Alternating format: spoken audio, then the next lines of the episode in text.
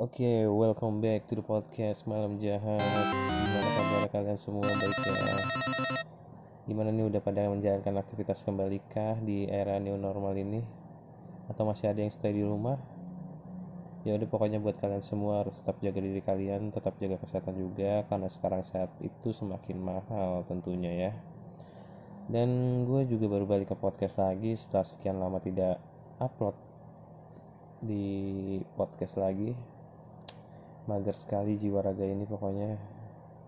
Oh iya gara-gara pandemi ini sekarang tuh jadi banyak banget orang yang kehilangan pekerjaannya ya. Sekarang sekarang tuh semakin lumayan banyak yang ngebutuhin pekerjaan gitu. Dan semakin banyak juga pesaing pesaing buat ngedapetin pekerjaan itu ya. Ya karena dampak pandemi ini yang menurut gue masih berlangsung sih karena di Tangerang aja PSBB uh, eh, diperpanjang lagi aja gitu. Sampai 8 Agustus kalau nggak salah. Ya udah dan di sini gue bakalan ngebahas apa ya gue mau ngasih tips aja sih buat kalian yang sedang nyari kerja atau masih belum mendapatkannya juga gitu. Masih berjuang buat ngedapetin pekerjaannya pekerjaannya itu uh, eh, gue mau ngasih tips lebih ke sharing-sharing aja sih dari gue kali aja ada yang berguna buat kalian semua dan bisa dilakukan agar kalian bisa cepat mendapatkan pekerjaannya kembali. Ya udah ini tips dari gue buat mendapatkan buat cepet dapat kerja lah. Uh, banyak yang udah lama nganggur dan baru aja ada yang lulus kuliahnya di tahun ini ya. Jadi uh, tingkat pengangguran tuh makin tinggi gitu. Dan cari kerja emang bukan hal yang mudah ya. Zaman sekarang apalagi gitu ya kan cari pekerjaan sama kayak cari jodoh lah susah banget cari jodoh susah banget. Kalian aja itu ya gue mah enggak lah. Enggak enggak enggak punya juga sih gue tapi oke okay nih tips yang pertama dari gue buat kalian semua yang lagi mau nyari kerja atau masih susah buat ngedapetinnya. Yang pertama cari kerja yang sesuai dengan kalian kamu gitu. Jadi buat dulu pada nih kalau nyari kerja tuh yang sesuai um, bakat kalian gitu. Kayak misalnya kalian jago editing apa video atau foto. Masuk kalau jago editing foto cari advertising cetakan ya kan? Kalau misalnya editing video coba ke broadcast gitu ke pertelevisian ya kan komunikasi jaga komunikasi jadi sales. Nah, ini salah satu faktor penentu yang penting sih menurut gue ya agar kalian tuh bisa mendapatkan sebuah pekerjaan. Perusahaan tuh ngebutuhin orang yang udah cukup ngerti di bidangnya bukan seorang yang apa ya yang menghambat workflow mereka gitu. Lalu ada yang bertanya terus mungkin ada yang nanya gini terus gimana sebagian orang yang fresh graduate yang baru lulus kemarin angkatan covid-19 gitu kan yang hanya memahami ilmunya saja cuman belum ada penerapannya gitu. Ya menurut gua hal seperti itu bisa dilatih sih. Karena kalian tuh memiliki dasar ilmunya gitu. Dan akan menjadi penghambat apabila orang lulusan akunting pengen ngelamar jadi e, misalnya jadi jadi sebagai arsitek gitu. Ya perusahaan juga pasti nyarinya jurusan yang sama gitu dan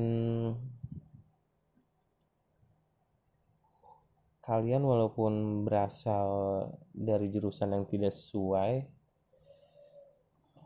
kalian juga bisa jadi akan dipertimbangkan ketika pengalaman dan dan skill kalian ketika pengalaman dan skill kalian sesuai dengan ketentuan yang diberikan oleh HRD-nya kayak misalnya gue sih lebih ke editing gambar foto tapi gue nyarinya yang lebih ke komunikasi sih. Gue juga jurusan komunikasi makanya gue nyarinya lebih ke komunikasi kayak customer service gitu sebelumnya. Gue mencari kerjanya ya kayak gitu customer service podcaster ya kan? Sesuai gitu gue jurusan ilmu komunikasi dan gue nyari dengan bidang yang sama dengan gue gitu dan yang kedua biar cepetnya dapat nyari kerja itu perbanyak relasi lu. Ini penting banget. Faktor ini bisa ngedukung lu untuk dapat pekerjaan dengan cepat Salah satu contohnya ketika sebuah perusahaan membuka lowongan pekerjaan, mungkin lu bisa mengetahuinya lebih cepat dibandingkan uh, teman-teman atau masyarakat umum karena lu diberikan info oleh temen lu yang bekerja di perusahaan tersebut. Jadi lu bisa mempersiapkan diri lu lebih baik dari yang lainnya atau orang-orang yang lainnya gitu. Ya bisa dibilang orang dalam lah ya relasi itu ya. Kalau misalnya lu nyari kerja ada orang dalam auto auto masuk auto dapet ya terus selain itu bisa aja uh, temen lu tuh atasan misalnya butuh seorang kerja terus kemudian temen lu rekomendasiin lu uh, jadi itu kan mempermudah lu dalam melalui melalui jalur penyaringan kandidat Nah, jadi lu uh, ya itu yang tadi gue bilang orang dalam juru itu tuh gampang buat ngedapetin pekerjaan ya kalau misalnya udah ada relasi di dalam perusahaannya itu. Yang ketiga itu tingkatin kemampuan lu. Jadi selama lu di rumah gitu masih belum dapat pekerjaan kalau sebisa mungkin sih lu asah kemampuan lu lagi gitu jadi dalam bekerja itu kan memerlukan skill ya soft skill gitu kemampuan sosial berbicara hmm, mengelola orang gitu uh, dan hard skill kemampuan kayak berbahasa asing uh, teknologi akademis ya pokoknya gitu deh jadi ini tuh penting banget buat lu buat ngebang, mengembangkan kedua tipe skill tersebut yang pertama tadi soft skill sama hard skill. Jadi semakin banyak keahlian dan kemampuan lu maka lu bakalan terlihat semakin beraganya diri lu di mata HRD gitu. Dan itu bisa jadi bisa jadi adalah faktor yang mendukung lu buat dapat pekerjaan yang cepat dan yang keempat adalah ikut job fair. Untuk sekarang sih nggak ada job fair sih ya. Tapi dulu tuh penting banget tuh ikut-ikut job fair. Gue sampai nyari juga dulu sampai ke Jakarta Tangerang sih udah lumayan banyak untuk job fair waktu itu. Tapi sekarang sedang tidak ada job fair. Jadi kebanyakan online ya. Work interview aja kebanyakan dibatalin sih yang gua tahu ya. Jadi lebih ke ya udah pokoknya apply CV terus tahu dapat panggilan kita baru tuh lu interview tes segala macam buat masuk ke perusahaannya. Dan yang terakhir karena nggak ada job fair lu bisa nyari lowongan kerja di aplikasi-aplikasi uh, job buat nyari pekerjaan apa sih? Job street. Aplikasi-aplikasi kayak job street terus apa lagi ya? Linket i linket iya linket atau lu bisa nyari sekarang tuh banyak kayak loker-loker tuh di Instagram juga ada banyak. Banyak yang infoin gitu lu tinggal nyari aja loker Tangerang loker Jabodetabek loker Jakarta. Dan itu tuh sih lebih gampang sih kalau menurut gue sekarang tuh ya. Di Instagram udah banyak di Facebook juga gitu. Uh, jadi lu buat tahu informasi tentang lowongan pekerjaan jadi lebih mudah gitu. Dan buat kalian yang mungkin ya ini sharing lagi beberapa tips lagi ini dari gua. Buat yang kalian udah dapet wawancara pekerjaan atau interview ya ada beberapa hal yang harus kalian hindari dalam melakukan wawancara pekerjaan. Yang pertama berpakaian kurang tepat. Nah ini, ini penting banget nih.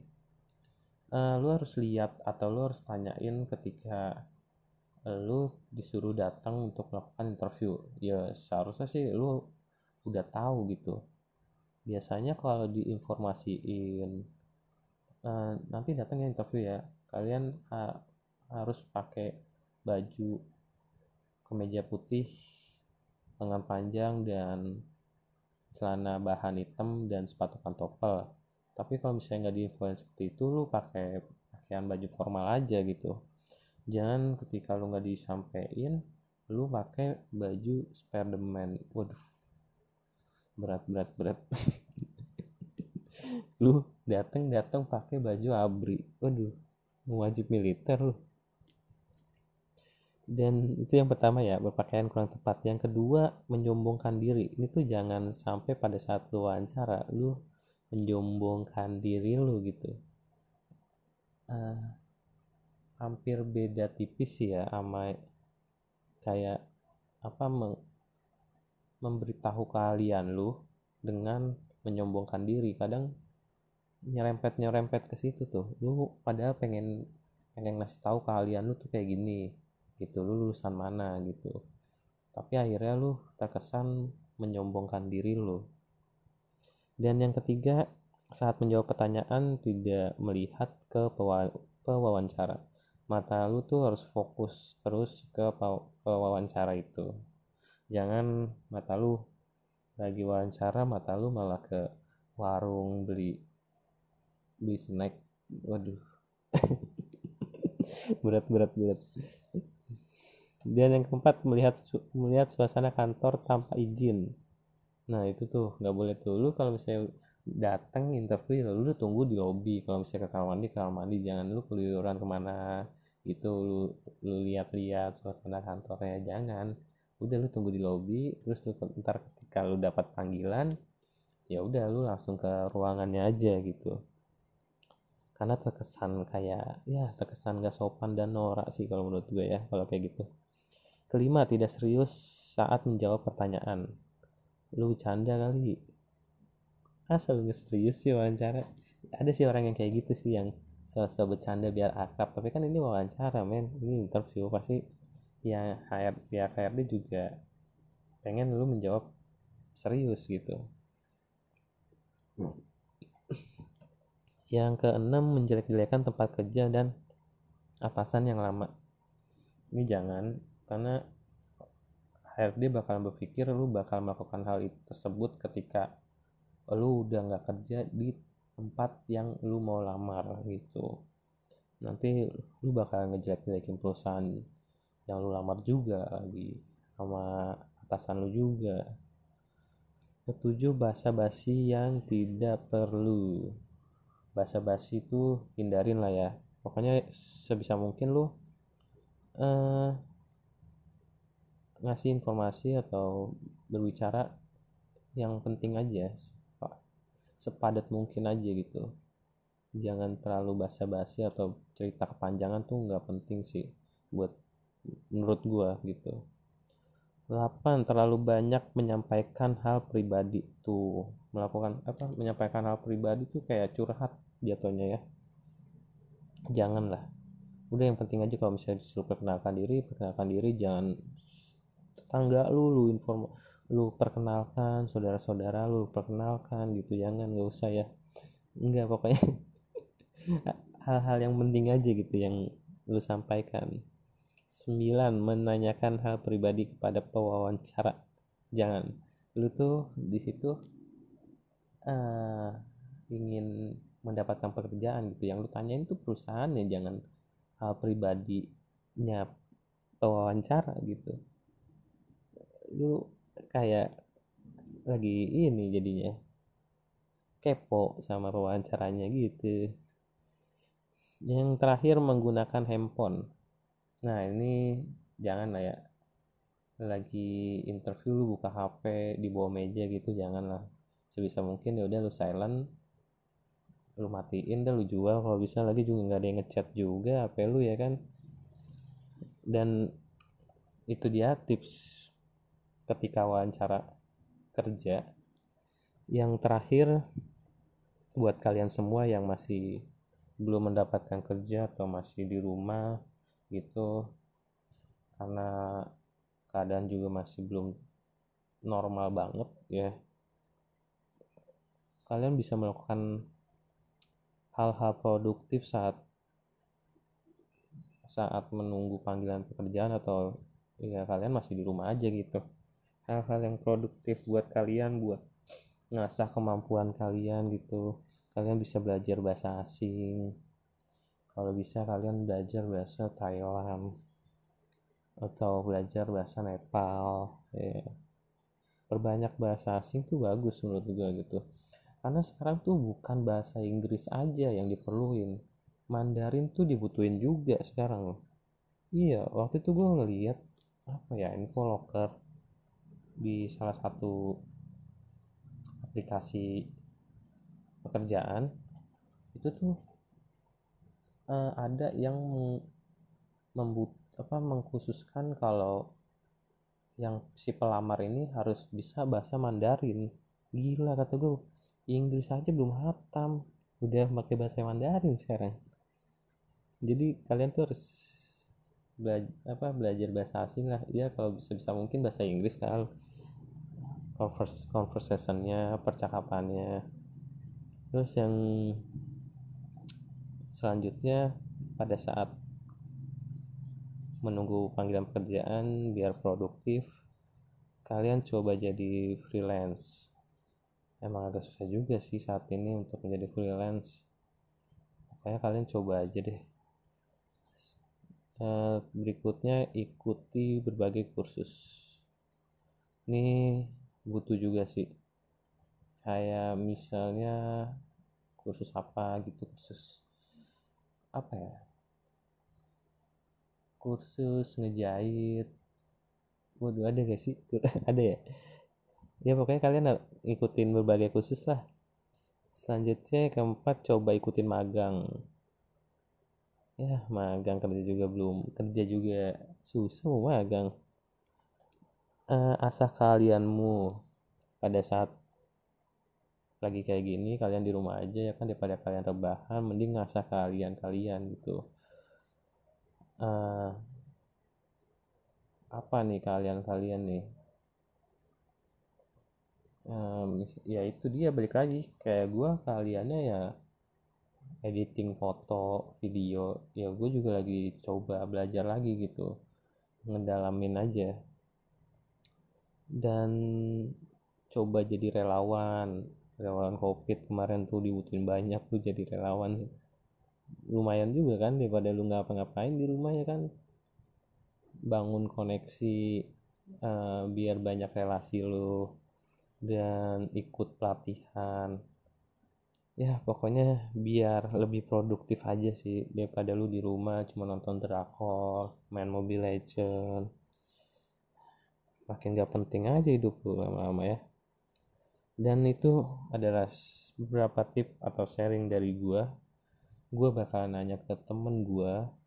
Gua bakalan coba hubungin temen gua yang apa ya biar mungkin dia bisa sharing atau bisa memberikan informasi dalam melakukan uh, mencari pekerjaan dan melakukan gimana tips melakukan interview yang baik gue bakalan ngobongin teman gue oke okay?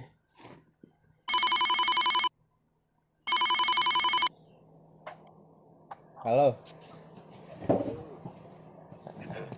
Halo. Yo yo yo. Wih gila. Lagi nggak sibuk nih. Apa? Lagi nggak sibuk pak.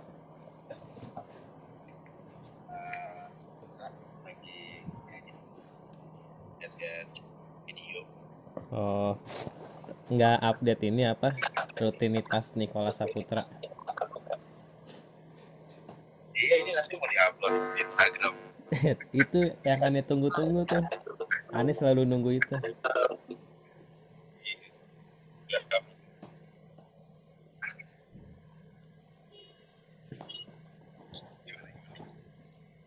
Halo. Iya. Jelas gak suara gue di sana? Nah jelas ini gue pakai headset sih. Oh. Iya, suara lu tadi kurang jelas. Kurang dekat. Masa sih? Iya. Coba headsetnya lu lu tekan. Ini udah udah udah. Iya nih. Bagus nih, bagus. Ya. Bagus ya, bagus ya. Bagus. Tes vokal dulu, tes vokal. Halo, tes satu dua tiga. Ikutin gue, ikutin gue. Ta.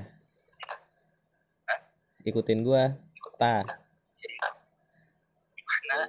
Ta, ta. Apa? Ikutin gue. Ta, Ya. ta. Ta. Ah jelas lagi. Terus ada hal pernah nggak sih pengalaman menarik pada satu interview gitu? Ada waktu itu. Pas lu interview di mana?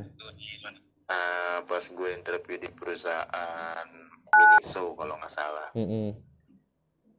Itu kocak banget sih. Lu pernah di retail juga ya emang ya? Gue pernah ngelamar di retail tapi Oh, nggak pernah. masuk.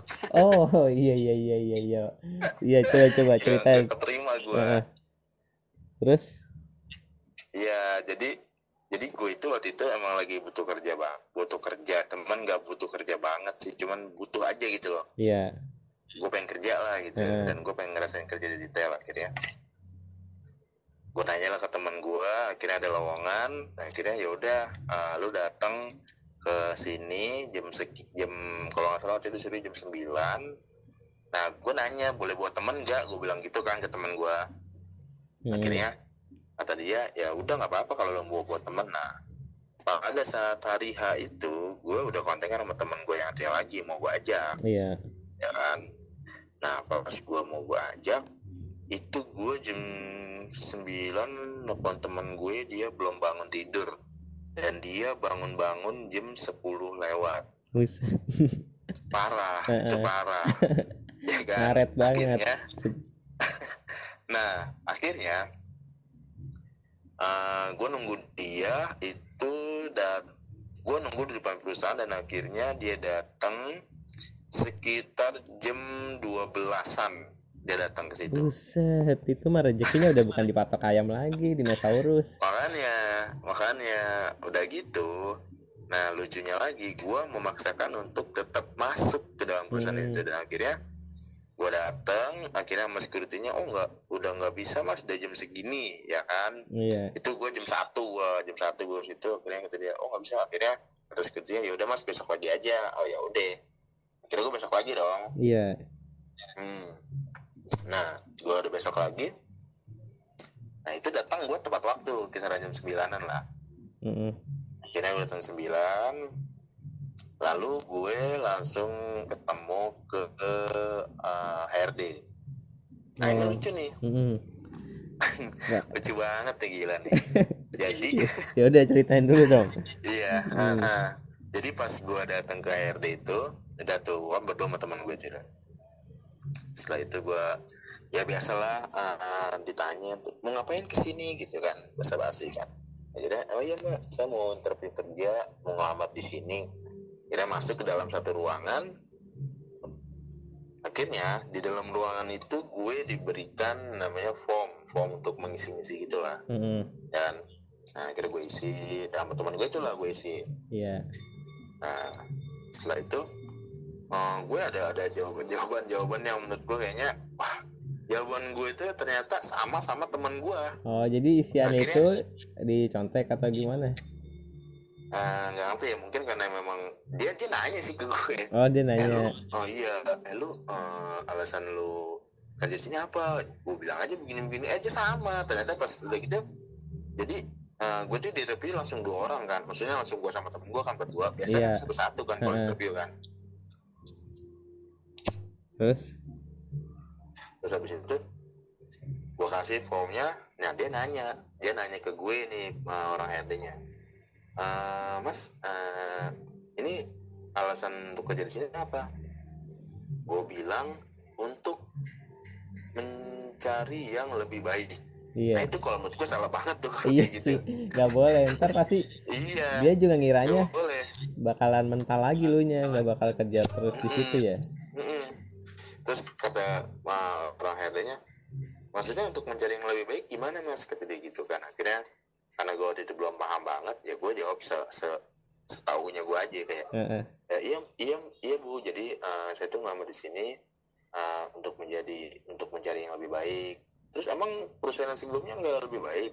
Oh lebih baik tapi uh, saya kendala waktu itu uh, di kuliah saya karena kan gue waktu itu masih kuliah kan. Iya. Terus akhirnya dia "Ah, salahnya itu itu blunder kalau menurut gue karena gue Eh. bilang alasan gue keluar karena bentrok dengan jam kuliah waktu itu. Mm-mm. terus akhirnya ah, karena itu menurut gue blunder gue kan ngelamar di dalam perusahaan retail dalam arti kan retail kan jam-jamnya kan Iya, ah, shifting. ah, nggak tentu kan. Heeh, shifting ya istilahnya. Iya shifting gitu kan. Terus akhirnya kata dia loh di sini justru shifting loh mas kata dia gitu. "Eh, emang mas bisa? kata dia gitu shifting. Terus gue dengan karena gue emang pengen kerja banget Heeh. gue bilang aja oh bisa kok nggak ada masalah? Gue gitu kan gue bilang begitu waduh. Terus iya akhirnya kata dia kamu yakin? Soalnya kamu ini aja pindah dari kerjaan yang lama gara-gara gara-gara eh, nggak sesuai jam kuliah kamu. Kalau di sini justru lebih parah loh. Terus gue bilang gini oh nggak apa-apa kok saya kan kuliahnya malam. Gue bilang gitu kan. Nah itu blunder Hmm. lagi. Iya. Kata dia lah justru di kita kan shifting mas. Jadi ada pagi atau enggak kita malam kita nggak mungkin mas nanti nggak mungkin kuliahnya lancar jadi gitu. Heeh, makan paya aja makan paya. iya. Gue di situ bingung wah gimana nih ya? Gue juga dalam hati gue pikir Heeh, waduh kayaknya gagal nih gue akhirnya iya. udah ya akhirnya akhirnya uh, dengan segala pembelaan gue lah intinya dah intinya kayak Heeh. ah, iya iya bu ya saya sih ini mau kerja di sini gue bilang gitu itu kalau menurut gue udah salah banget. Udah gitu yang di yang teman gue itu yang sebelah gue ditanya dengan jawaban yang sama kayak gue terus iya akhirnya eh, si eh, apa namanya eh, si Herne ini bilang gini. Dia nanya "Eh, kalian tahu nggak ini perusahaan apa? Dengan begonya gua dan teman gua gua jawab nggak tahu. Nggak tahu bu nggak ada nggak ngeliat dulu lu pe ngelamar di mana? Gua gua nggak nggak nggak searching dulu itu Iya. perusahaan apa. Perusahaan apa? Ya, taunya miniso aja gitu. iya. Heeh, terus dengan begonya gua lagi gua bilang emang ini perusahaan apa sih bu? Gua bilang gitu terus pada aduh, Aduh. tuh kayak kayak menurut gua gagal banget tuh Iya parah deh. Iya terus akhirnya terus dia bilang loh kamu gimana? Kamu ngelamar di sini tapi kamu nggak tahu background perusahaan ini. Terus gue kayak waduh gimana nih ya? Gue sama teman gue yang samping Heeh. gimana nih gimana nih? Gue bilang gitu kan ya akhirnya dia ngeliatin akhirnya si Hayden itu ngeliatin gue kayak wah gue udah menurut gue kayak gagal nih interview ini gue bilang gitu. Terus apa? Iya terus akhirnya uh, HRD nanya lagi kata dia "Eh, kamu kerja di sini? Kamu yakin mau kerja di sini gue bilang aja yakin. Gue bilang gitu kan. Terus dia bilang gimana kamu yakin? Kamu aja nggak tahu background perusahaan ini. Gue digituin dong. Akhirnya ya udah. Di situ gue ya udah deh. Gua terus apa aja yang ditanyain ke ini kan ke temen lu itu. Apa? Apa aja yang ditanyain ke temen lu itu? Terus temen lu jawab apa aja?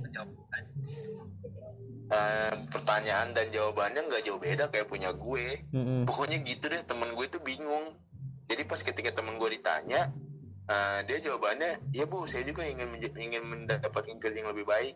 Ya udah gagal lah dari situ. Terus terus alasan dia alasan dia pindah kerja ke tempat yang lama karena kendala di kuliah. Udah gagal. Gue langsung berdua teman kan sama ya udah dijawab ya? Makanya gue bilang aduh gue ada pusing di situ. Ya gue bilang gagal nih. Ya udah deh akhirnya gue dengan secara aduh ngakak banget sih gue itu. Gue keluar ruangan ketawa-ketawa aja gue berdua-berdua gue bego bego. Seru banget pasti itu pengalaman banget sih. Parah. Bakal diceritain bakal diceritain terus-terusan ke ke teman-teman lu ntar dah. Parah sih itu pengalaman gue kak. Terus aduh parah banget deh itu deh pokoknya deh intinya gue jadi malu sama orang yang bawa gue itu. Iya. Ya akhirnya ya udah bre. Eh, gitu aja ntar coba gua apa ya? Ya udah gitu aja. Gua kurang kurang on fire banget ya kayaknya ya. bingung lo ya? Enggak. Iya gampang tinggal motong-motong doang ntar mah. Ah, Heeh. ya udah ya ya nanti gitu kalau lu mau nanya-nanya lagi ya sih gua- iya siap mendingan sih Thank you. ketemu lah biar seru iya Hmm. Oke, itu dia tadi gue udah bicara dengan temen gue. Ternyata dia juga punya pengalaman yang cukup unik ya dalam melakukan interview. Jadi buat kalian semua yang masih mencari pekerjaan dan masih belum mendapatkannya juga, gue doain semoga kalian bisa cepat mendapatkannya dan bisa kembali bekerja biar punya penghasilan. Kalau bisa sih buka usaha lah ya. Ngebuka lapangan pekerjaan gitu. Jangan jadi budak budak mulu buset budak. Jangan jadi karyawan lah ya ya udah pokoknya segitu aja dari gua. Next gua bakalan sharing-sharing lagi ke kalian semua. Gua bakalan memberikan informasi lagi ke kalian semua. Jangan lupa follow IG-nya ya. Malam jahat malamjahat.mj dan dengerin terus podcast malam jahat hanya di Spotify. Oke bye